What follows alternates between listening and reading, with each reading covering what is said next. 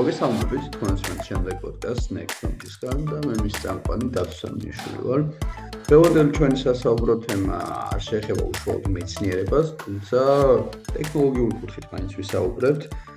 აა ბოლო პერიოდია ვიცით როგორ გამწვავდა სიტუაცია ღაზაში.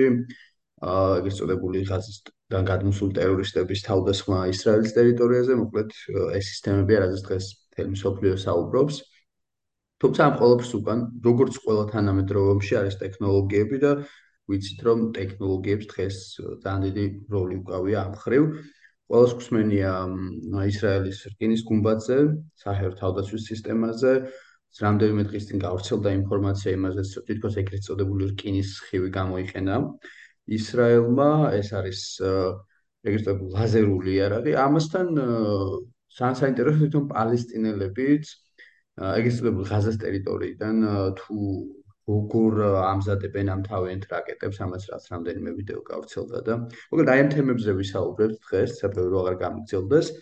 ჩვენ დღევანდელი სტუმარი არის გიორგი ანთაძე, ჯეოკეისის თავდასხმა და უსაფრთხოების მმართველობის კვლევარი. გიორგი, მოგესალმები, როგორ ხარ? აა, მოგესალმებით, მადლობა, კარგად.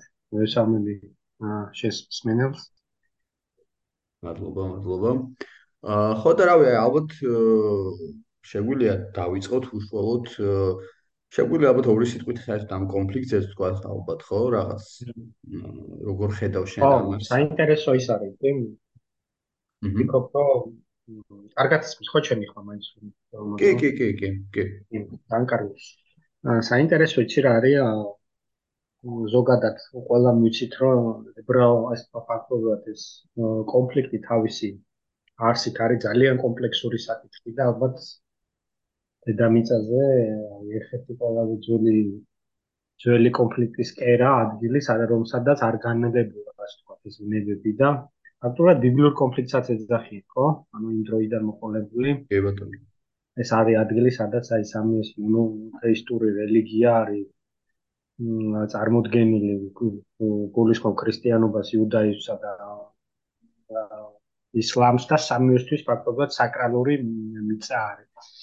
ეს ტერიტორია და ანუ აი ისრაელის სახელმწიფოს ჩასახვის ისტორიაც თავის მხრივ ძალიან საინტერესოა, თქვათა შორის იგივე ტერორიზმის აი ჭრილში რო ავიღოთ, აი სანამ უშუალოდ ტექნოლოგიებზე გადავიდოდე, ძალიან საინტერესო პატარა დაკვირვება შეიძლება გავაკეთო ჩემის ასე თვითონ ვინც იცის ისრაელის სახელმწიფოს წარმოშობის ისტორია, აი ტერორი და ტერორიზმი ძალიან თქვათ განუყოფელი ნაწილი იყო და სხვათა შორის იყო ისტორიული პერიოდი, როდესაც ჯერ კიდევ ამ ტერიტორიაზე არ იყო შექმნილი ებრაული სახელმწიფო, იყო იგივე მაგალითად ბრიტანული მანდატის ქვეშ ტერიტორია.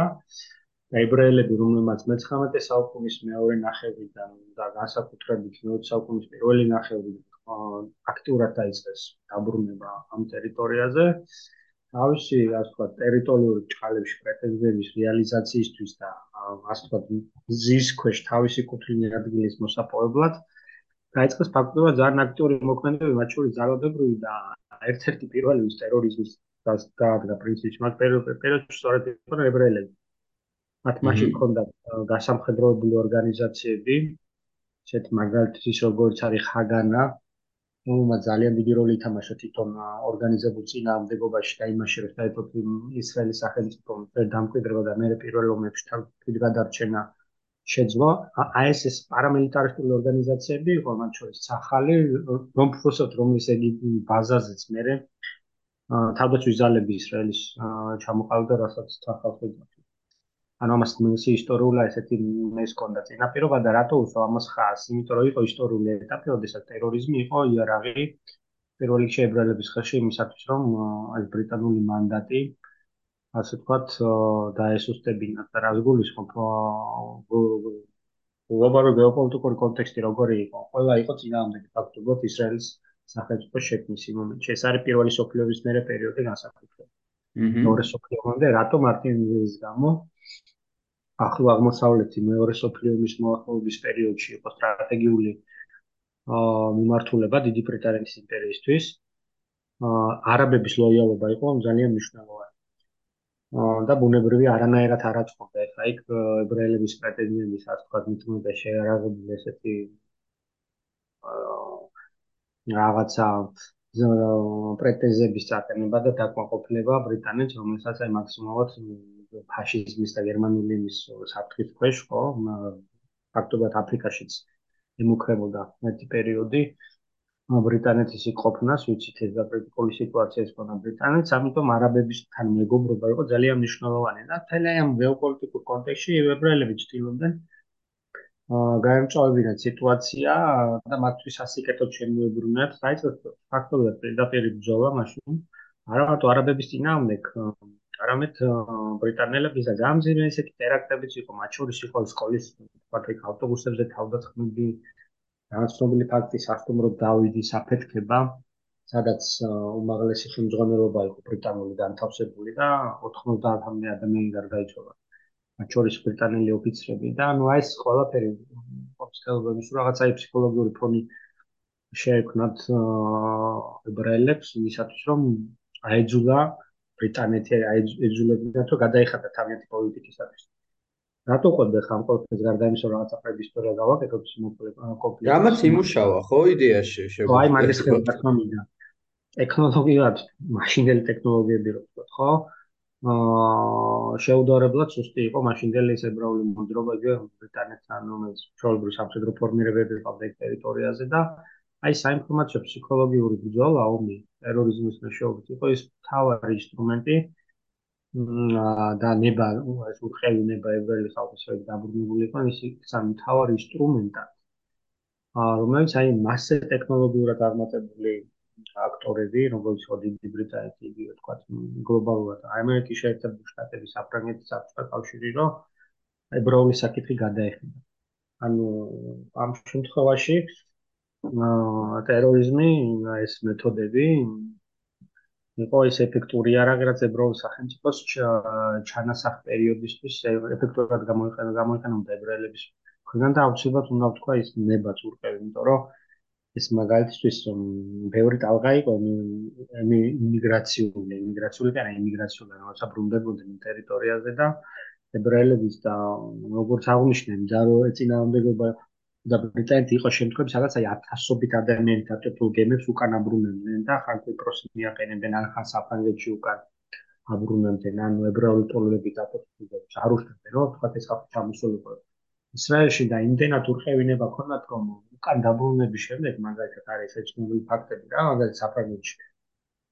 როცა ესეთი ესეთი დიდი გემი ამდენიმე ათასი ებრაელი და სხვა დატვირთული დაბრუნდა უარი თქვეს გემიდან გადმოსვლაზე ამ ხალხმა და ძალიან ძიმე პირობებში ფაქტობრივად საკვების წყლის და იმის გარეშე ძალიან დიდი პერიოდი აი გემიდან ესეთ პროტესტის ფორმა ქონათ რომ ითხოვდნენ უკან ისრაელში დაბრუნებას და მაშინ ამას ძალიან დიდი პრესაში გამოხმაურებამ მოყვა, დაიწყო გამოსვლები ევროპულ დედაქალაქებში, ხარდაჭერ მათ შორის ლონდონში და ნუ აი ჯამში მთელ აი ამ ძალისხმევან ის შედეგი გამოიღო, რომ ბრელემა ასე ვთქვათ, მიაღწიეს საკუთარი ასე ვთქვათ ინტერესების დაცვას და ჯამში 48 წლის მაისში გამოკიდებულებას გამოაცხადეს, რაც პირველი ტრიგერი გახდა პირველი ომის და მალე რასაც ომი მოყვა, ხო?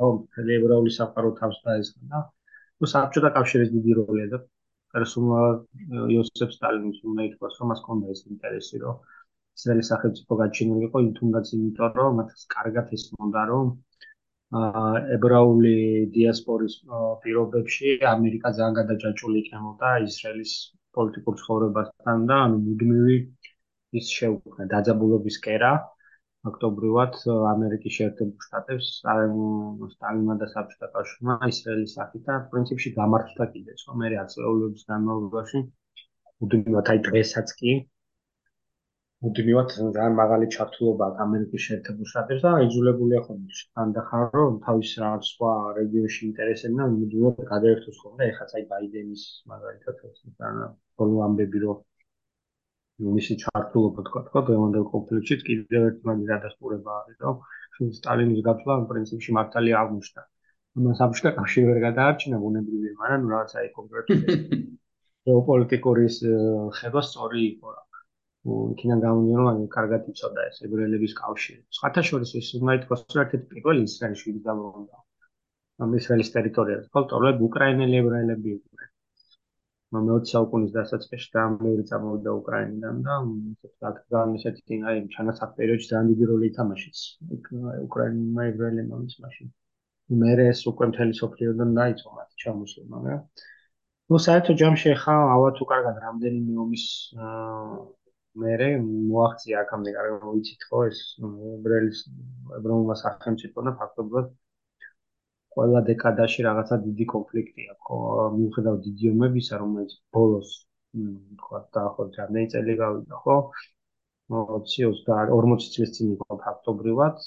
ამ პერიოდში აი ამ 40 ბოლო 40 წლის პერიოდში მაინც იყო მნიშვნელოვანი შეტაკებები ჰამას ჰამასთან ხან ჰეზბოლასთან და ესე დიდი ოპერაციების რამდენჯერმე მოუწია ჩაეთარებინა იგივე ისრაელის თავდაცვის ძალებს და მაიხაც აი ზღვარზე ვართ რომ ბოლო ინფორმაციით.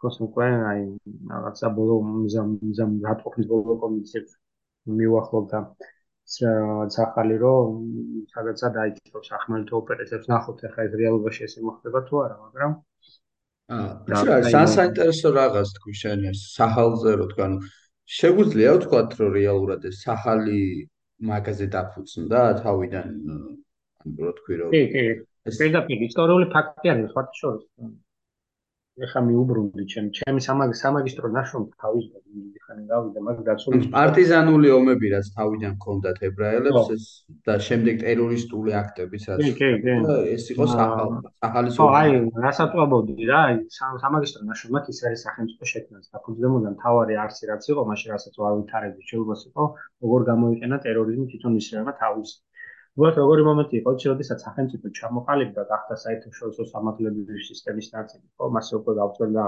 UN-თა კონვენციებს, საერთაშორისო ხელშეკრულებებს, უკვე მას ვალდებულებაც აქვს და ეხლაც აქტიურად ახსენებს ყველა, ხო, რომ მან ის უნდა მოიქცეს მიუხედავად აი ესეთი საშინელი ტრაგედიის, რაც მის თავზე დატრიალდა, ის უნდა მოიქცეს როგორც ფუძგებლიანი სახელმწიფო, რომელიც საერთაშორისო თანამეგობრობის და საერთაშორისო ნორმების ერთგული არის, ხო? აქ რა იგულისხმება, რომ ის არ უნდა დაემსგავსოს ტერორისტებს. თავისი სისასტით, თავისი რაღაცა ქმედებებით და ზოგადად ხო სახელმწიფოს რაც გახდა სახელმწიფო შეიძლება სახელმწიფოსთვის დამახასიათებელი სისტემა რა? ალექსი სისტემა იგულისხმება ეს შედარებითი პასუხისგებლობები აიღო შეიძლება იყოს რა გახდა მოწყვლადი გახდა მოწყვლადი ხო ესეთი სეპარატისტული ტერორისტული და რადიკალური მოქმედების მიმართ. მიუხედავად იმისა რომ ალბათ სოფლიოში ყველაზე რადიკალური და ძალისმიერი პოლიტიკის მატარებელი სახელმწიფო ხო მსგავსი ქმედებების მიმართ კარგავს დასავლურ ევროპის და ზოგადად იქ კონტროლის და უსაფრთხოების ნორმების და თელიან პოლიტიკის ფასასით მიუხედავად ამისა მაინც ტერორიზმი ეხლა არის იარაღი რომელიც ყველაზე ეფექტური არის აი მაღალ ტექნოლოგიური ისრაელის წინააღმდეგ რომელიც დღეს ალბათ სოფლიოში ალბათ შეიძლება შეიძლება საკამათო იყოს, მაგრამ არ ჩამოვარდება არავის ტექნოლოგიურ ტექნოლოგიურობით და მისი ხარისხი. შეიძლება პირველ ადგილზეც კი იყოს გარკვეული პარამეტრები, მათ შორის ამერიკის შეერთებული შტატებთან იმდენად იმდენად განვითარებული არის ტექნოლოგია, როგორც სახელმწიფო, ისე მისი შეერაგებული ძალები და ეს მისი მოდელიდანაც არის განპირობებული, იმიტომ რომ საინტერესო სტატისტიკა არის სპეციფიკა აღარ მაქვს მაგალითად, მაგრამ სტარტაპები IT სფეროში, ხო? ბოლო 20 წლის განმავლობაში, რაც მაგალითად ისრაელში იყო გაწარმოებული სტარტაპები, მათი ლომის წილი უბრალოდ პროცენტი აღარ მახსოვს, ჯარიდან წამოსული ადამიანების დაწყებული ან ჯარში მიღებული ცოდნით დაწყებული არის. ანუ მოგეხსენებათ, ხო, მასიური გაწევა არის ისრაელში და და ანუ ისეთი სისტემა უფრო საყოველთაო და ამ გაწევის პერიოდში სერიოზულ პროფესიებსაც ეუფლებიან ამის ახალობას აძლევს. ისრაელის არმია და ამას კიდევ ერთი ხაზგასმა რომ ამდენ ტექნოლოგიურია სახელმწიფო. და მისი ყველა სფერო პრინციპში რა და ნუ ახლა ბუნებრივია აი ახსენეთ ხო დასაწყისში. გივერტინის გუმბათი რომელიც დღეს ფაქტობრივად სტაციონარული ესეთი სახმელეთო ობიექტები დასაცავთ ალბათ საუკეთესო საჰაერო სისტემაა საუკეთესო თუ არა ერთ-ერთი ნამდვილად top 3-ში უეჭველი არის. ბევრი საზრით საუკეთესო არის. სწორედ აი ამ ტექნოლოგიური სახელმწიფო ტექნოლოგიურ წარმატების ძალიან კარგი ის არის მაგალითი, იმიტომ რომ თვითონ ჰაერსაც ნამდვილო თავდაცვის სისტემა არის ძალიან კომპლექსური იარაღი. ნებისმიერი და ის რომ სახელმწიფო შესწევს იმარეს წარმატებით გააკეთოს, ხო? ძალიან ბევრ რაღაცაზე მეტყობს, იმიტომ რომ რაღაც სამი ძირითადი კომპონენტისგან შედგება. ხო, ძირითადად აი საწინააღმდეგო სისტემები და იგივე ეს რკინის გუმბათიც, ანუ არის არქვის პუნქტი, ანუ არის რადარი, რომელიც თქვა აფიქსირებს და მიდევნებას ახორციელებს გამის წინამდე გაწოლილი რაკეტების და არის უშუალოდ გამშვები აპარატი, ანუ რაკეტები რაზეც არა ჩამოსაგდე დამაგრებული. ანუ ამ თელ სისტემას, ოდესაც ვართ იმარი სახელმწიფო უმაღლეს დონეზე გააკეთოს, ესეთ სახელმწიფოები სუთიცე ჩამოსაფრთხოებია ხო რამდენიმე ხუთი ქვეყანა არის რომელიც ესეთი ამ სფეროში არის წარმატებული ეს ავისთავად მიანიშნებს იმაზე და ზოგადად მის ისტორიული გამოცდილებიდან გამომდინარე გარკვეული მიმართულები ძალიან სპეციფიკური შეერაგებული სისტემები შექმნა და ის რკინის გუმათი სწორედ ისრაელის საჭიროებებზე არის ორიენტირებული რატო? იმიტომ რომ აი როგორც შინახსენი ჩვენი საუბრის დასაწყისში აა საერთოდ მეოთხე თაობის ომებიც არის გამორჩეული რომ მათი ხასიათი არის ასიმეტრიული არაპირდაპირი მოქმედებები გამოიყენება ანუ აი სეპარატისტული სეპარატისტული და ტერორისტული და რადიკალური ასე ვთქვათ მოქმედებები აა როგორც წესი არასახელმწიფო აქტორების მიერ არის მიმართული სახელმწიფოების წინააღმდეგ და ერთი მნიშვნელოვანი თვისება ის არის რომ ამ არასახელმწიფო აქტორებს ფაქტობრივად აქვთ ყველა ის სისტემა არსენალში შეიარაღებაში რასაც სახელმწიფოები ადრე სახელმწიფოები პრობლემ მხოლოდ მონოპოლიას და აი ეს ბოლო ამბებიც ამის ძალიან კარგი მაგალითია რომ რა ვიცი, აი ყველაფერი გამოიყენა ფაქტობრივად, აიხლაც და წარსულშიც, როგორც ჰამასის ჰეზბოლა იყენებს ხოლმე, რაც კი რამე შეიძლება დრონებიდან დაწყებული. კომუნიკაციის თანამედროვე საშუალებები და ძალიან ძველი არატრადიციული ფორმები ბრძოლის მათ შორის საბტერაინ დომეინში, ასაც ნახე ამ მიწის ქვეშა სისტემები, ტუნელები და რა არის კიდე გამორჩეული? რომ ფაქტობრივად კუსტარული მეთოდებით და კუსტარულ პირობებში, არა ინდუსტრიული მასშტაბის პირობებში ახერხებენ ასეულობით და ათასობით ახლო და შორს საშუალო მანძილზე მოქმედი რაკეტების წარმოებას. და აი ამ რაკეტების საწინააღმდეგო და სწორედ შექმნილი ერკინის გუმბათის სპეციფიკა ის არის, რომ ის სწორედ ახლო და საშუალო მანძილზე მოქმედი სისტემების წინააღმდეგაა. ეფექტური პირობები. აი, ეგ მაინტერესებს უბრალოდ რა შეგვიძლია თქვა თვითონ რკინის გუმბათზე, ანუ რა ტექნოლოგიაა და ანუ ბევრს როგორც ვიცი არასწორად აქვს ინფორმაცია, ზოგს გონიერთ თქო საერთოდ ამერიკელებმა მისცეს და ანუ როგორც ვიცი ისრაელი, ხო, პირიქით უნდა და ანუ აი ეს რო აუხსნათ რა ტექნოლოგია და რა პრინციპზე მუშაობს, რა რითქერი ესე გამოჩნდა. ხო, ნუ პრინციპი აი როგორც მიახსენე, სამი კომპონენტი, მართვის პუნქტი, რადარი, მიდევნების და გამშვები მექანიზმებისგან შედგება. და როგორც მუშაობენ აა მაგრამ ამასთან ერთად ის არის ჩართული მისი მართვის პუნქტი არის და რად არის ჩართული აა ადრეული შეტყობინებების სხვა სისტემებთან რომელიც ისრაელის სახელმწიფოს გააჩნია ანუ მთელი ელექტრონული ბრძოლის ასე ვთქვათ და თვალყურის დევნების რაც სისტემების გააჩნია ისრაელის სახელმწიფოს მასთან არის დაკავშირებული და ასეთ ისეთ თვისებაცაა კარგი და ძალიან მნიშვნელოვანი რა არის მაგალითად რა თქვა აა ბევრი სამიზნე შეუძლია ერთადერთად გაყვეს და გამოთვალოს ტრაექტორები და მხოლოდ ის სამიზნეები ჩამოაგდოს და იმ სამიზნეების წინამდე გაიწვიოს რაკეტები რომლებიც დასახლებულ ადგილებს ან ისეთ ადგილებს ვარდება სადაც შეიძლება ზიანი იყოს მიყენებული. ხა სხვაგან მაგალითად უდამროში თუ ვარდება ხო?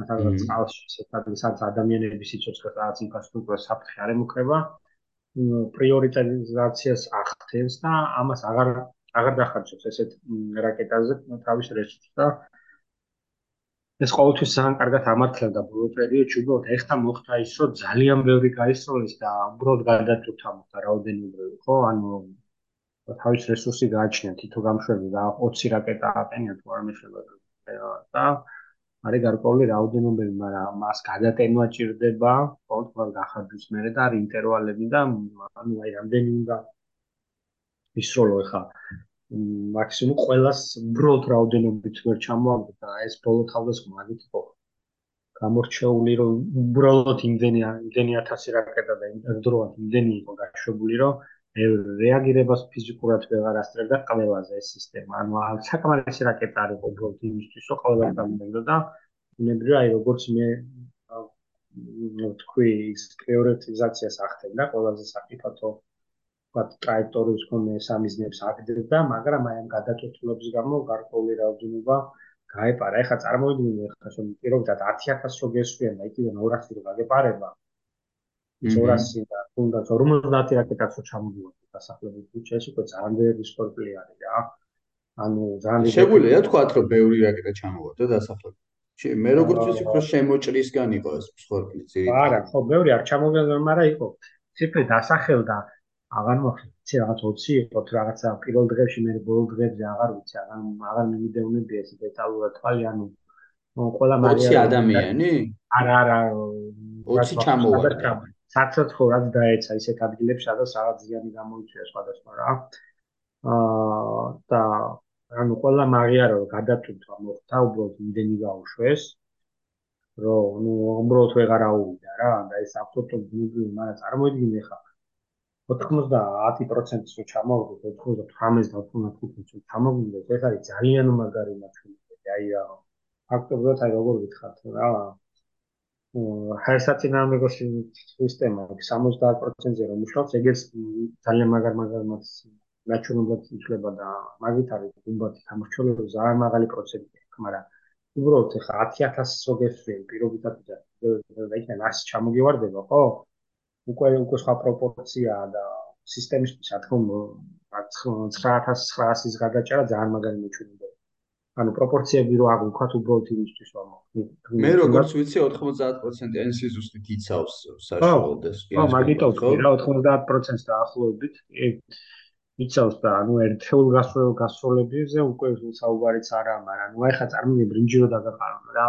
ამნა იქ ყველა სხვა იჭე რაღაცა ეგეთი მომენტი არის და მაგან იმუშავა და ესეც ხო გათვლილი და მომზადებული იყო და სწორედ მას ახლის რომ მაგრამ მაგით მიზას ვერ მიაღწევ ხო? ეს უფრო მან ფსიქოლოგიური დემოკრატიის ის არის ესეც სახელმწიფოს აა და მაგდენიც არ აქვს ახლა არ აქვს რომ განუწყვეტლი ალბათ კვირაობენ კვირეებს განმავლობაში მაბომბო რაღაცა დამანგრეველ ეფექტს მიაღწევ იმიტომ რომ ის სხვა სისტემებიც არის და მოკლედ ეგ არ არის თავარი არ არის ჰამასის და ზოგადად ტერორისტების ხალხი თუმცა ისედაც ეს ჰამასის რაკეტები რამდენად არის ხო? ეს განვითარებული ეს ხელნაკეთი რო ალბათ მაინც ნაკლებად ეს სხვათა შორის უხვეწე ანუ ხო იხვეწება და იხვეწება ეს რაკეტები. ანუ მათ შორის შორს ანუ ის დისტანცია მათი რა ქვია ეფექტურობა რაღაცა ვიგან წლამდე იხვეწება რაც დრო გადის. ხო თქვა თუ 15-10 წლის წინათ რასაც იყენებდნენ იმასთან შედარებით ბევრად ის არის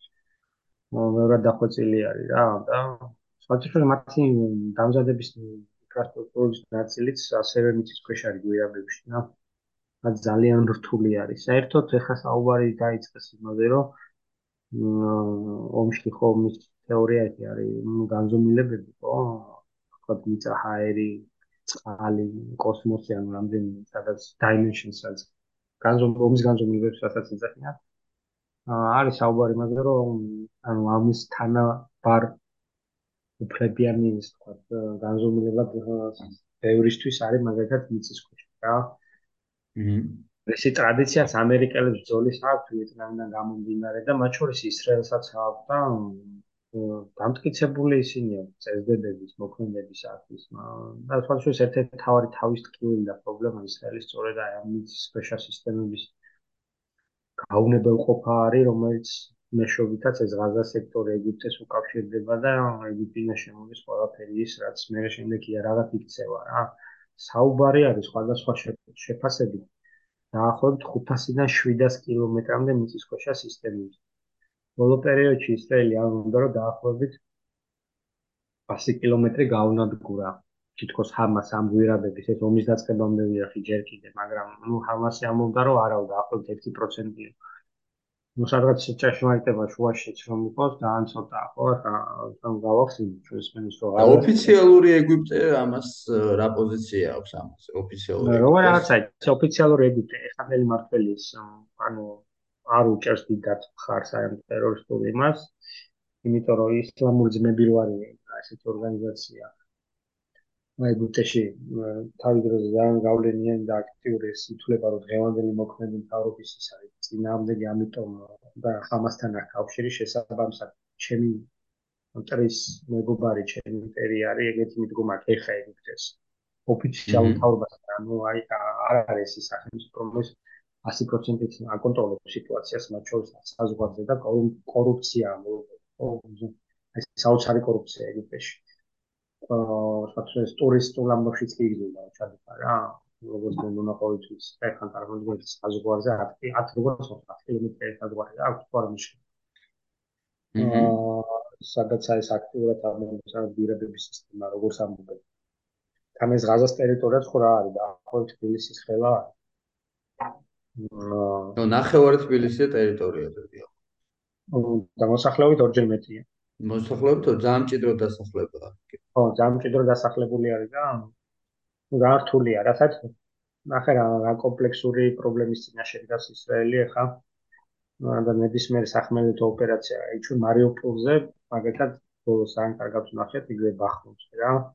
რთულია ქალაქში ბრძოლა და ქალაქის აღება მათ შორის დიდი ინდუსტრიული არენების ინდუსტრიული სახელმწიფოების არენების ხო და მარიუპოლზე რამხელა ენერგია და ძალები და კარგო რუსეთთან და ბახმუთის ამხელა ძალისთან დაჭირდა და ეხლა ესე კიდრო გარემოში როდესაც შედის იქ ეთმეჩი ხლართება ესე იგი მიწის ქვეშა ქალაქის ბრძოლა რა ქვია ომის საცეცხლის შეხების წესები rules of engagement ქვია რა. ინგლისურად ეს ნიშნავს მაგალითად ანუ შეარაღებული ძალებს აკაწერილი საცეცხლ კონტაქტში რომ შევიდეს ახლა როგორ მოეფროს სამოქალაქო საზოგადოებას, ან ხალხს, მოქალაქეებს, ანუ ეს არის ბრძოლის წესები რა, მოდეს ვხერ ბრძოლის ჩათვლის წესები რა.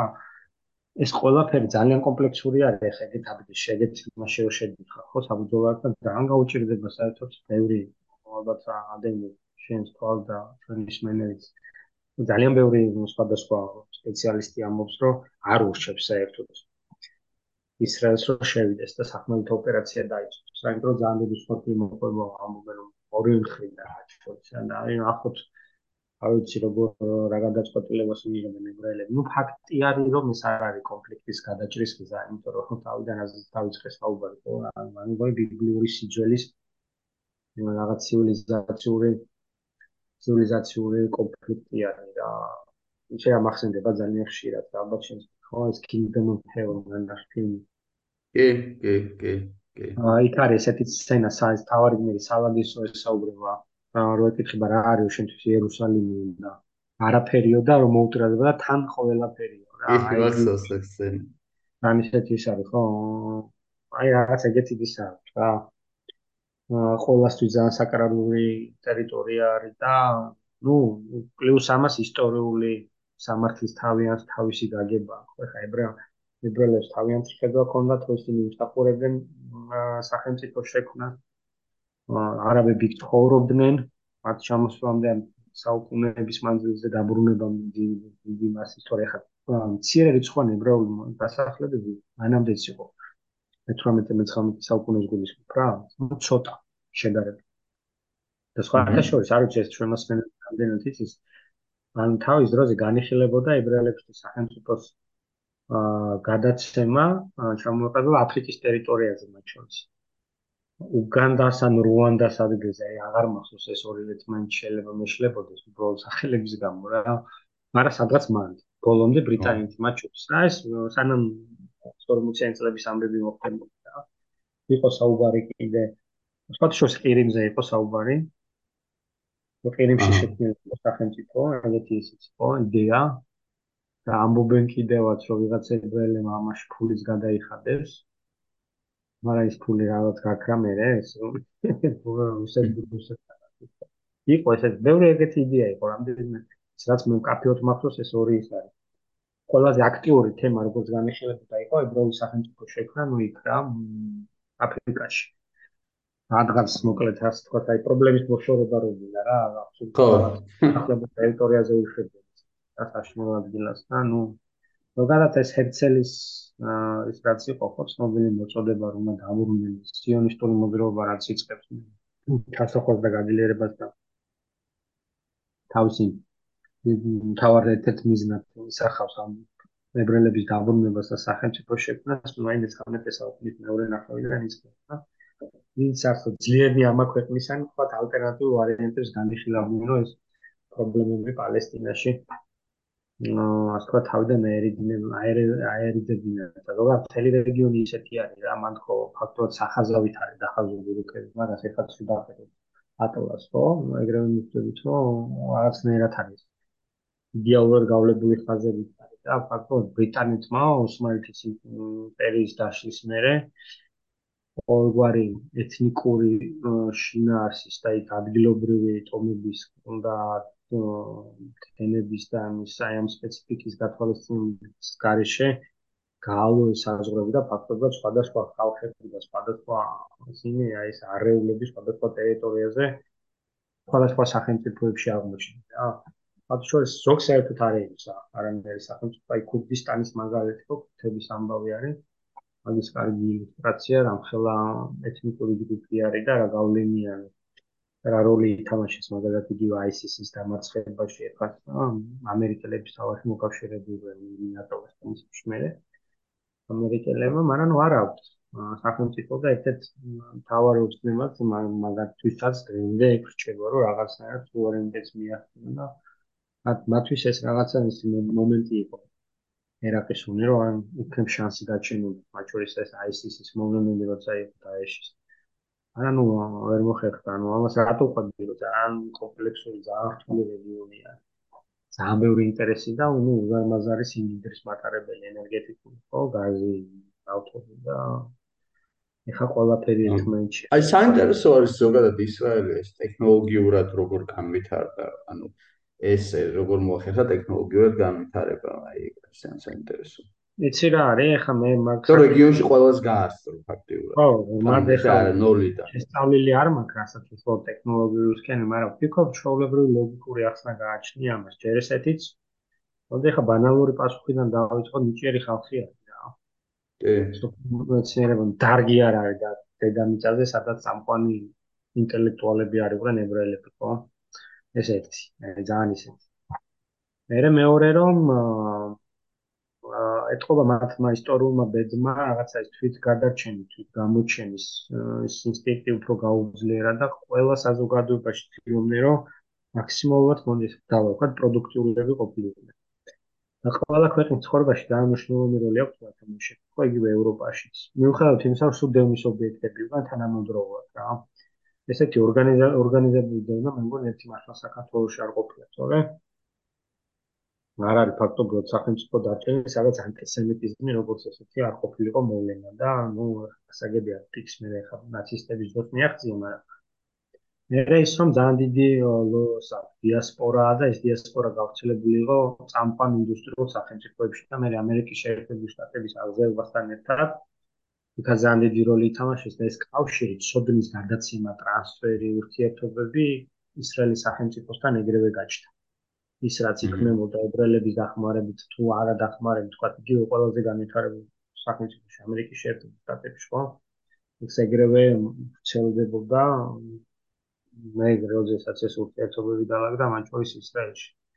თვითონაც სახელმწიფოს აი ამ შრომის მოყარეობით, აი ამ ნებით ურყევნებით ბაბლოში გააშენეს, მართლა ქვაზე და ქვიშაზე გააშენეს ეს სახელმწიფო და ყველა დარგში ძალიან პროდუქტიულად ცდილობდნენ რომ როგორ რაღაცა იყო იცი ასეთ ასეთ ჰოსტაილ აი რა თქმა უნდა თულად განწყობილ გარემოში გადარჩენის ერთ-ერთი შანსი არის იმაზე აბჯერ მაგარი იყო ვიდრე ხარ რა.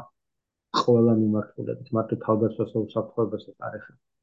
მათ ეს მოახერხეს ასეული პროფიტ მეურნეობილი იყო დამთავრებული ეკონომიკის ნებისმიერი და როცა ტექნოლოგია როგორც მიმართულება განვითარდა, სახელმწიფოში ყველა მიმართულება კარგად მუშაობს და შეიძლება ხელშეწყობა გას ტექნოლოგიები არა ჩამორჩენილი.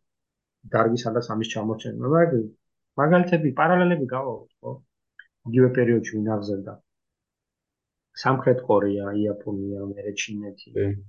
ეს ის სახელმწიფოებია რომელიც ტექნოლოგიური სახელმწიფო მაღალ ტექნოლოგიურ სახელმწიფოებად წოდებიან ხო? იგივე სინგაპური აირე და ნუ ის ევროპული ქვეყნები რომელიც უბრალოდ მე როგორც მას თქვა დიდი სახელმწიფოები განვითარდნენ ამ მიმართულებით. შესაბამისად, აი ეს კავშირები, რესურსი, მათი შრომის კულტურა მათი ეს ნიჭიერება ეს ერთმანეთი ყველაფერი ისე შეეწყა რომ ეს დარგი ძალიან განვითარდა და ზოგადად რა არის კიდე ერთი ფაქტორი დიდი ტექნოლოგიური ნახტომები კაცობრიობის ისტორიაში ხდება ყოველთვის დიდი ომების დროს მათ შორის იყო პირველი სოფლიო მაგალითად ამერიკის სამოქალაქო მეორე სოფლიო ომის ან ძალიან დიდი ტექნოლოგიური გარკვევები საბოლოო ბრძოლა ბომბი შეიქმნა ხო მეორე სოფლიო ომის დასასრულებლად რატომ ამბობ ამას?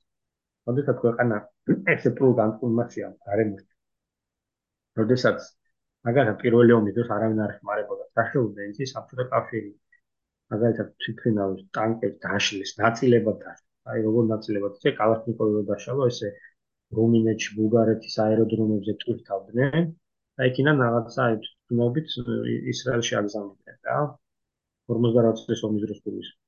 და ეს კაფეინი ეგრეთ წოდებული ჟარგონი შეგვიქვა რომ იარაღით ჩამ ბრიტანელების წარსული რაღაც თანგული რაღაც აი ყველანაირი ტიპის ნემის იარაღით იომეს და დაიცვეს თავი ამ პირველ ომებში ამისი მალევე მიხვდნენ რომ მათ საკუთარი წარმოება ჭირდება იქიდან გამომდინარე რომ განავითარე სამხედრო ინდუსტრია თან სულმებში იყვნენ შესაბამისად სამხედრო ინდუსტრია არის ძალიან ეკონომიკურად და მეცნიერულად ევადი და მაღალი მოთხოვნის სფერო რა ამაში რო ხარ 24 საათი ჩართული ხო მთელი შენი ეს მიჯნავე დარგები წულწული იქნება ქიმიური ინდუსტრია იქნება მსუბუქი მრეწველობა იქნება მძიმე მრეწველობა მეტალურგია ყველაფერი მომადად როცა გამოვაში აი ამ სამხედრო ინდუსტრიის იდეა ვითარდება და ეხლა საბჭოთა კავშირში თუ რამე იყო იარაღის წარმოება იყო ნორმალურ ასანსორად წარმოება ქვეყანა და ბოდიში ჯენსმენთან პარკის ქაღალდს და მაგრამ ქონდა ნუ რაოდენობით ტანკები და ასე შემდეგ. შეიძლება ვფიქრობ, რომ ფათაშოს თემას რო გადავხო, რომ ეს ენერგია რო ეკონომიკაზე მიმართა საფშთა კავშირი, ეს რესურსები არ უნდა სპორტახენტო იქნება. და აი ისრაელიც ხო აი ამ მუდმივი ომის პირობებში მუდმივად ამ სამხედრო ინდუსტრიაზე ორიენტირებული სახელმწიფო რო ხარ, ვინა თუ არა ტექნოლოგიები ვითარდება რა, მეცნიერება ვითარდება რა, იმიტომ რომ თუნდაც იმ ლაზერული არ არის ხო? აი ეგ არის. კი ანუ კამპანიის ყველა ცდილობს მაგიარების შექმნას და ანუ რა არის თავარი გამოწვევა რა? თავარი გამოწვევა იყოს იაფი და ანუ მისი ენერგო ენერგოეფექტური იმპულსა ის რომ ის ჩამოგიზნი ჩამოგდებას დახარჯული ენერგია უნდა იყოს არ უნდა იყოს რაღაცა სასწაული კინის გუმბათს რო შეადარეს თვითონ ისრაელში რო ამბობდნენ რა ეს იყოს იაფი ხო, რამდენიმე 1000 დოლარი ჯდება სიტყვა და თითო თავდაცვის სისტემის გამოყენება ერთხელ და ეს ნუ რაღაცა 3-4 დოლარი დაждდება თითო გამოყენება. ძალიან დიდი განსხვავება იქნება. აჰა. ხო, ეგ არის. უბრალოდ მე რაღაც დეტალური ინფორმაცია ვერ ვნახე ზოგადად ჯერ არის. ალბათ დროთა განმავლობაში თუ შევამართლა ექსპლუატაციაში მე ინფორმაცია იქნება. ხო და აი ეგეც ეგეთ მაგის მომეს არის რა. ტენდენციის მანიშნებელია რომ ყველა ეს Iron Beam ანუ ეგრეთ წოდებული 2022 წელს გამოსცადეს წარმატებით საკმაოდ. და თითო გამოყენება ჯდებაო მაშინ ამოდენ 3.5 დოლარი სადღაც საშუალოდ ჩინელებიც მუშაობენ და მაგრამ ამას მიმართულებაა მათ შორის თანამედროვე სამხრეთ კორეელებიც, საფრანგებიც კი მუშაობენ. აი ამერიკელები იყვნენ ძალიან შეშფოთებულები, რომ ჩინელებმა თითქოს და განავითარეს ტექნოლოგია, სადაც აი თანამგზავრ თანამგზავრი ჩამოგდება შეიძლება. რა, ანუ კოსმოსში. რუსეთშიც კი ამბობენ, რომ ჩვენს მუშაობენ. აი, ახლა რუსეთს უკვე აფრე არ ამჯერე, ხა. დრონი ვერ უწორმოებიათ და თავიანთი იმით. და რა ტექნოლოგია ზოგადად ეს ლაზერზე დააყენებული? და ლაზერის ლაზერის ტექნოლოგია როგორ შეგვიძლია ვთქვა თან რა რა სახის არის როგორ მუშაობს? ნუ ეს რა არის ხო ენერგიის ანუ სინათლის მიმართვა ხდება ისეთი ძალით და იმით რაც მე აი დაახლოებით ფილმებშიო წარმოგიდგენთ მარკეტ ხო კი Star Wars ხო ნუ მოთო ისე თუდად არის რიან ალბათ როგორც კარტრუპერები ხო მიზანში მაგრამ არასდროს რო ვერასდროს რო ვერა ვერასდროს რო ვერა ვერა ხო, მაგრამ ნუ ხო იდეაში ეგ არის რა. და ან მაგარი ეს არც ერთ არც კადრი არ მახსენდება, სადაც მაგაც აი უშუალოდ ჯარისკაცებს იმპერიის ჯარისკაცებს ვინმესთვის გაეთხა. არასდროს. ხო, ანუ ეგ არის, აი ლაზერული არის, როგორც წარმოვიდგენია, ეგ არის, ხო, უბრალოდ ტექნოლოგიური დეტალები არ ვიცი მაგის, მაგრამ აა მან თავარი რა ხო, კიდე ერთი თემა რა, პორტატულობა რა, რას ვერ აღწევენ, რომ მაგალითად აი იმპერიის ჯარისკაც რო ავტომატურად უჭერდა იქიდან ისვის ლაზერს აი გარე ყველაზე რთული გასაკეთებელი რა. ხო. ხო ანუ ვიხდი ხო კვეიტი შეიარაღება რომ მოხდეს თორე ეს სტაციონარული სისტემები ბევრი არის უკვე გემებზე დასადგამი მანქანებზე დასადგამი ისიც ძალიან დიდი არ არის მაგრამ ნუ ხა აი შაშხანაზე ჯერ შაშხანის დონემდე ან ვერ ვერ ჩამოიყვანეს თუმცა ხა ეს თავდაცვის სისტემა დანადგარზე იქნება და ხელში დაჭერეთ რამე არ იქნება საჭირო ხო თავდაცვის ხო მე ვძახი უფრო აი ხო სასროლი სასულაზერი რო ხო. ხო ალბათ რომ დაურიგდე ლაზერული ხო რაღაც აი მართლა ხო ესეთი ნუ ჯერ ყიაზე ეფექტური ნაღმად იმიტომ რომ მან მარტო ის არ არის შეიძლება ერთი ეგზემპლარი გააკეთო ნუ იყოს იმდენად ეფექტური და რა ქვია გადაწონოს მაგალითად თქვია რა დამკვიდრებული ხო მოწარმოება გამოყენება რა ვიცი ყველაფერი ჯარში მოხმარება რა სწავლა და მე როგორც ვიცი ანუ ეს რო ვნახე შედარებით უფრო ანუ ეს ლაზერული არ არის რომელსაც საუბრობთ კინის სხივს ამ შემთხვევაში უნდა იყოს უფრო ახლო მანძილის საფრთხესთან, საახლოდ 7 კილომეტრიო, 150 კილოვატის სიმძლავრის ლაზერი ექნება, უნდათ რომ გახადონ 300 კილოვატის. და ნუ აი მათ შორის დრონების წინააღმდეგ იქნება ზოგადად ასევე ძალიან ვთქვათ. ანუ ეხა დრონები არის ხო ერთ-ერთი თავარი თემა. თუმცა ღაზადან მე არ მსმენია რომ დრონები გამოიყენოთ. მე მგონი არ ხდება. ხო დრონების გამოყენება. იქ ცალკე საერთოდ სხვა სამყაროა მაგაზის მინდა რომ ვისაუბრდეს. არა, როგორ არა აქტიურად გამოიყენებს. იყენებენ ეგენის დრონებს? იყენებენ რომელი არის? ვიდეოები არის? ხო, კარგი ნახე ესე, ნახე. ისინი არის მერკავები, ტანკები და ისინი დრონებით გაუნადგენ. აჰა, ეს თავიდან რომ შემოიჭრ. ხო, თუმცა როგორც უკრაინელები აკეთებენ, ხო იცი? აკვია ზემოდან რო ყრიან კუმბარებს რა აი მეთოდი. უყურეს კარგად უყურებდნენ რა უკრაინაში მიმდინარეობას და ბოლოს გადმოიტანეს რა ასე პირდაპირ. ვა აი გარუჩი ანკებიც აუფეთქეს რამდენიმე ჯამშან ეს ის ცნობილი კადრი არის კიდე ჯარისკაცი რო გადმოყავთ ტანკიდან ალბათ ხო? სასტრაფოს მანქანას წოესწიან კუმბარას დრონიდან გვერდზე ვარდება მაგრამ ნუ ამუბერო სასტრაფოს მანქანა არის და მაგაზე ამბავი იყო რომ აი ეს სასტრაფოს მანქანასაც არ იმდომენო ას დაინდობდნენ ეს კონცერტზე ხალხი დახოცეს და გასაკვირია. ნო ხო და ხო ანუ აქტიურად გამოიყენეს. სადაც კი შეიძლება. ბოდო რაოდენობრივად ეხა იმდენი არ ყოფილიყო და არც იმდენი დრო გასულა რომ ეხა ჩვენ ყარაბაღის და უკრაინის ომიდან მოიშვიეთ და დრონების ისინი არის აქვე ფუტიჯები ან ვიდეოები სხვა ჩანაწერები.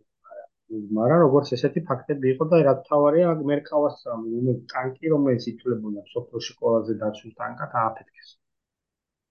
და ებრაელებს მაგაზეც მოუწევთ მუშაობას ავარაუდოთ და დრონების წინააღმდეგ პროფიტულები გახადოთ და ზოგადად მთელი სატანკო კონცეფცია მართლაც ეს გადასახედია თქონა მარტო იმ საკათმეების დადგმა ზემოდან ხო რუსები და უკრაინელები გააკეთებენ ეგ არ შვილით რა. ესეთი მოსავალი ებრაელებს ალბათ უფრო რაღაც დახოცილი ის უნდა დაჭიროთ. აი ლაზერი შეიძლება იყოს ერთ-ერთი. ზად რაღაცები წამიკითხავს რომ ამ ომში თანამედროვე ომში ტანკი სულ უფრო კარგავს თავის ეფექტს. ისე რა არის პირველად არ ხდება ეგ რა მე რაც თავი მახსოვს რა სხვადასხვა ომები. ხშირად იყო აი ტანკი ამოწურა თავი ტანკი ამოწურა თავი მაგრამ მაინც ყველაზე გადაადგილებს საცეცხლო ხადაჭერას ყველაზე ეფექტური საშუალება ახლა ბრძოლაში მაინც რა უბრალოდ ხომ არა როცა ესე მარტივ დრონსაც კი შეუძლია გაანადგუროს ამ ხელოვნებას რატო? იმიტომ რომ ყველაზე დაუცველი არის ზემოდან. მისი ჯავშანი ყველაზე თხელი და ასე ვთქვათ მოწყვლადი არის ზემოდან. რა და შესაბამისად თან ახლა ლუქში რო ჩაუგდეთ და ეგეც სიზუსტით რო ესვრი რეალურში ხაი უმარაც რო ხოლმე გამოიწვით არის და ეკიპაჟი და მაგრამ მაგ მეც მაინც გონია რომ კონტრა საშუალებები ხო რაღაც დროის მერე ისევ დაიხვეწება და ახლოდ პარიტეტი შენარჩუნდება რა რომ აი ეს დაბალანსდება ის. დაბალანსდება ისევ რა. ამ დრონების წინააღმდეგაც და ზოგადად იმიტომ სულ იყო მანამდე იყო საუბარი რომ აი ეს ტანკსაც წინააღმდეგო მართლმადიდ რაკეტები რო განვითარდება აი აი შო აი ტანკ შანსი არ აქვს. ნებისმიერი არ არის მაინც საბოლოო ჯამში. თავარი არ არის რა ბრძოლის მაინც ხო ყოველთვის არის ადამიანი ანუ ადამიანი რატო იმიტომ რომ ის არის ვინც ნებისმიერი სახის იარაღს იყენებს და ეფექტურს ხდის ახლა. ჩვენ ვინახავს რა ქვია ფლოსტებში ჩაცმული ხუსიტებმა რა ვიცი საუდის არაბეთის მილიარდებით გაძეძგიო და დახარჯულ ჯარს ხანეთი აბრამსი წაართვეს და ხან მას ვერცფერს არჩევენ და ანუ უნდა იცოდე როგორ გამოიყენო ეფექტურად და ნება უნდა ქონდეს ბრძოლის და შეიძლება კალაშნიკოვი შეიარაღებული იყო და მაღალ ტექნოლოგიურ ჯარს აჯობორა და ამის ძალიან მაგალითია ისტორიაში და უპოვან მიდგომის ამბავია ადამიანი მაინც არის თავად უნივერსალური იარაღი ნებისმიერ ტექნოლოგიის შემთხვევაში არის ადამიანი. და იმიტომ ის ტექნოლოგიაც ადამიანის მიერ გამოიყენება რა და ეფექტურობა მაგით იზომება. ეს საბამისად თავარი პრობლემა ტანკებთან მიმართებაში არის შეფრო არასწორად გამოიყენება ხოლმე ამ შეცდომები არის დაშვებული და ამ შემთხვევაში მისი იგი უკრაინელებს რაც დაემართათ ინიში ინიში არის ხო აი ეს ნო ცნობილი ის კონჩეტო პირველი ეპიზოდი რო იყო რა რომ აი ლეოპარდები და ისინი მასიურად დაკარგეს მექანიზირებული შეკრებულებს მოინდომეს აი ამ ეგრეთ წოდებულ სუროვიკინის ხაზზე რა რუსულ სანგრებზე და ნუ ფაქტობრივად ეგრევე მთელი დასავლური რაკები ტანკები უცებ გახდა რუსული პროპაგანდის მსხვერპლი. ნუ აიტაცის ვაი ეგ თქვენი ლენაკები ლეოპარდები და ის რა უკენით. და რატო? იმიტომ რომ აი ხა ესეთი დანაღმული იმაზე რომ შეიყვანა, თქვია ასობით ნაღმით გაძიზგილი Windows-ის გადავლას რომ Windows ის ხო არა აქვს ტრაქტორი რავი რაც ამ უნდა იყოს რა გაუძლებს იმას დაკარგეთ სამერ მე არტილერია ნუ მოკლედ რა არტილერიის მომენტიც იყო. ანუ რა გინდა და არწორად გამოყენება. გამოიყენა გამოიწვია სკორპლი ამიტომ რა არის რა? ეგ არის საერთოდ ომის ევოლუცია რა არის. მისი ბუნება უცხოელი რჩება ძირითადი, ანუ ეს არის ძალადობის აქტი. აა სადაც არის დაპირისპირებულობის და მტყობის განცდის გარეშე ვერ შედგება, ამ მე და შენ თუ არ გვაქვს მოქმედის მიმართ ძალადობის აქტის განხორციელების სრული ომი როგორც ვერ შედგება, ხო, ზოლის მომენტი. ეს იყო დამახასიათებელი ყოველთვის დაწყებული, რა ვიცი, გამოქვაბული და რაც გამოვიდა ადამიანი, ამთავრებული დღევანდელ დღემდე რა იცვლებოდა? იცვლებოდა ხერხები. ან ინგლისურად მისვა კარგად არის რა არის nature და არის character of war ანუ უმის ბუნება და უმის ხასიათი ბუნებით უმის სულად და იგივეა ეს არის ძალადობის ფაქტი კლაუზევიჩის ინგლისში თქვით ეს არის პოლიტიკის გაგრძელება ხერხებით მაგრამ მისი ხასიათი იწვება იწვება ადამიანის ევოლუციასთან ჩვენი ცხოვრების განვითარებასთან ერთად ტექნოლოგიების ცვლილებებთან ერთად. თავიდან თუ რა ვიცი რა კომბლები დავმოდით მე ხმალი და შურბისარი და მე შაშხანა და მე ტანკი და მე შიგდაცვის ძრავა და მე ცაში გაფრენა ომის ხასიათს ცვლიდა ისე როგორც გარემო ცვლის და დიდგალ ინასახეს სადაც ეს ომი ხდება. ანუ აი ეგ მომენტია. რა ეს მისი უცვლელი მხარე არის მუდმივი ანუ ეს ტრობა და ეს დაპირისპირებულობა რჩება როგორც ყვებავი ამ ყველაფრის მაგრამ ნუ აი ტექნოლოგიების ჩვენთან ერთად ზოგადად ჩვენი ცხოვრების ევოლუციასთან ერთად იცვლება მისი ხასიათი და აა ესე გაგრძელდება და ხშირ შემთხვევაში ესეთი ცვლილებების ადგილი იყო ხოლმე ხშირად, ზუსტად სხვათა შორის აი ეს ტერიტორია რა, ებრაულ ებრაული ომების ისტორია. თორემ მაგალითად 2006 წლის ლიბანის მოვლენებიც ებრაელების ოპერაციაც ისეთია, თვალსაჩინო არის მათ შორის არის ტანკების თვალსა გამოყენების თვალსაზრისით, ანუ მან პირველად აღმოჩნდა ესეთი წინააღმდეგობის და ამ ქალაქის გარემოში რაღაც ახლებური ტექნოლოგიების გამოყენების წინაშე აღმოჩნდა და როგორც ერთ-ერთი ესეთი აა მაილსტოუნ მომენტი თვითლება მომების ისტორიაში, რომ აი ებრაელებსაც რო გადა აზრება მოუწიათ მათ მოქმედების ტაქტიკის და ასე შემდეგ აი პირველად დაიწყეს მართლობრივად სამოქალაქოების გამოყენება, მობილურების გამოყენება და ესეთი რაღაცები, მობილური ტელეფონების. ანუ აი ეს მუდმივად ხდება. ეხა აი დრონების მომენტი იყო ასპა ტექნოლოგიად რაც შეიძლება გამოყოთ ან მიწისქვეშა ის ტუნელების ასეთი დიდი მნიშვნელობა, იმიტომ რომ ძალიან დიდი ნაწილი ამ ჰეზბოლას ბრძოლების სწორედ მიწისქვეშიდან შევიდნენ ტერიტორიაზე. ფათაშორზე ამას ძალიან აქამდე არ მქონდა ნანახი ფაუდარო არის სერიალი თუნდაც ამ ამოვლენებზე გამახსენდა და იქაც არის თემა სხვათა შორის ამ გვირაბების და რამხელა ის რამხელა გამოწვევას წარმოადგენს ისრაელისთვის და როგორ ის არის, ცი, მაგ ხრივაც რაღაცების გადახვევა და მუშაობა მოუწევთ. ან უკვე დაანონსებული აქვს კიდევ პრინციპში, ეს სპეციალური სპეციალები ან სპეციალისტები ძალები არის ის ნაწილი, ჩვეულებრივი ჯარი მეცია. ხა დეტალურად ეგეთ რაღაცებზე არ ვარჯიშობ, ხო? ასე თქვა სპეციალური დანაყოფები მუშაობენ ეგეთ უგარე მოსკეთები. არის დაახლოებით ფული სიტუაცია ხაა. კიდე რაც თავარი, კიდე რა მომიცად გაუშვათ ხარჯი ხო? ეს არის რომ აი იდეა თუნდაც საინფორმაციო ბრძოლის რა თვალსაჩინო ხო? აი ინფორმაციის გავრცელების საშუალებებმა ამხელა მნიშვნელობა შეიძინა, რომ კი დადასტურდა, რომ არანაირი მაგათი სავანტყოფოს ეპიზოდი არ მომხარა, ხო? უბრალოდ არ დაუბრუნდიათ, მაგრამ თავის საქმე იმ მომენტში ქნა.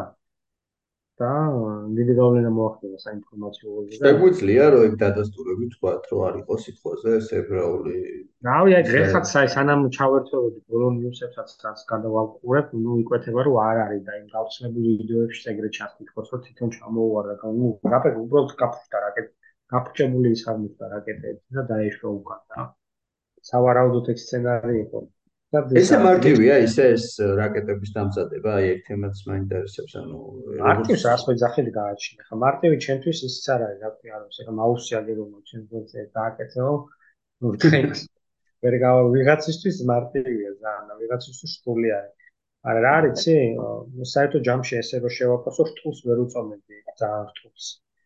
აა, ეს ლაიტვის ტექნოლოგიას, ხო? მე გაუმჯობესების თვალსაზრისით უკვე დახვეწა ადგილას ფაქტია ის შეფუაში ხშირად ამომიხმოვდა რომ ესეთქვის საწინააღმდეგო რაკეტები რო ადგილებში წარმოება განავითაროს და რაღაცა ისა როგორც ერთ-ერთი დაპირობას რომ ნენელა დავხვეწავთ ჩვენც აი რაღაცა რაკეტების წარმოების ამბავს რა. იმიტომ რომ დიდი ნაწილი მაგის ეხაც არ ვიცი შემოდის თუ არა მაგრამ ევროპიდან შემოქონდა რა თვითონ კომპონენტები და რაკეტების ერთი პერიოდი და ანუ რთული შეიძლება იყოს თავიდან. იმიტომ როგორც მე აღნიშნე, მაგის სერიოზული დახვეწა მოხდა რა, გაიზარდა მოქმედების რადიუსი, დამანგრევალი ძალა, სიზუსტე, რაოდენობა მოიმართა შესაბამისად აქედან გამომდინარე.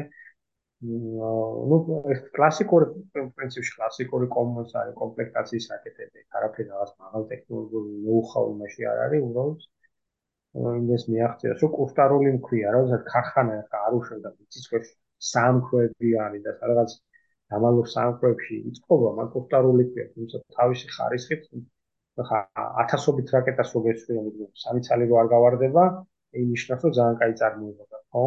არაფერი არ არის ეგეთი ეგეთი პროცენტული წუნი, ეგ არ არის საერთოდ იმაში რა ქვია, პრობლემა.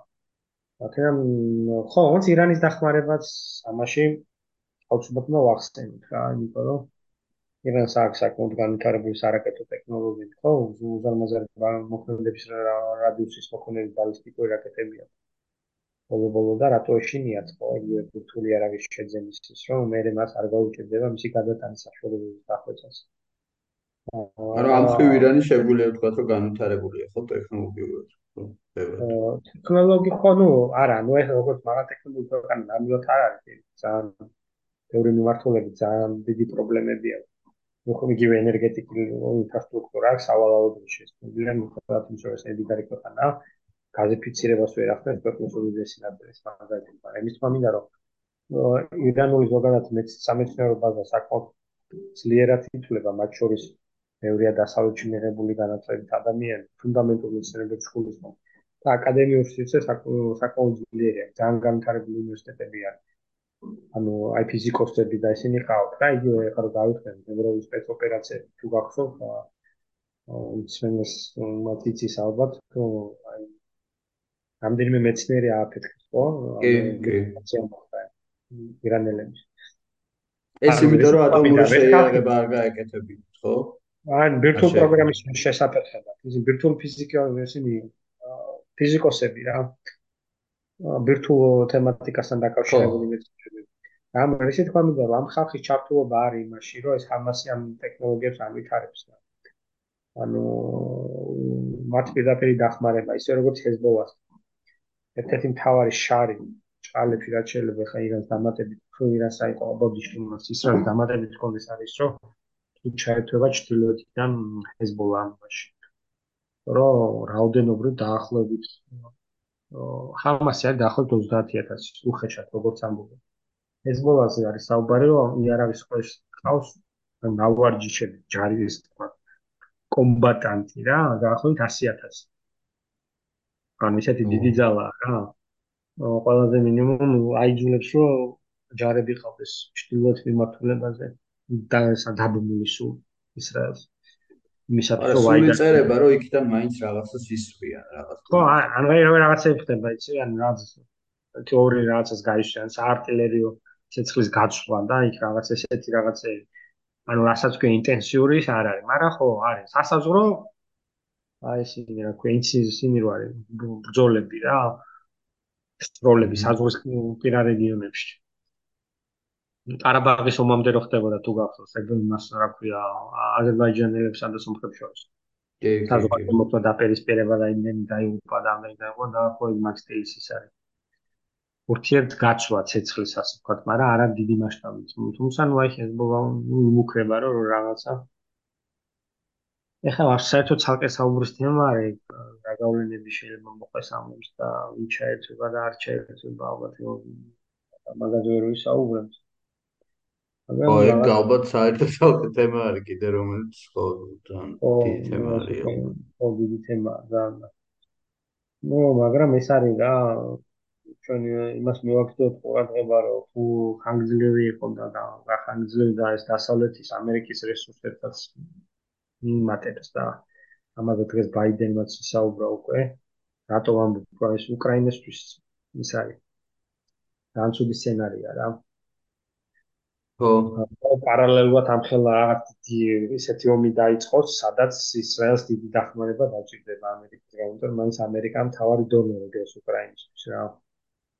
ამიტომ ანა ნუ დიდი ომი დიდი ომი თუ დიდი ომი თუ დაიწყო იგულისხმება ალბათ თავად ირანის და რავი ირანის ჩართვა ალბათ. კი რა არის? სახმელეთო ოპერაციაც რო დაიწყოს და ხანგრძლივი იყოს და ირანის ჩართვა პირდაპირ მაინც იმას არ ნიშნავს რომ ირანის ტერიტორიას თავს დაესხას ან ირანიდან აფრენილი რაღაცა დაესხას თავს.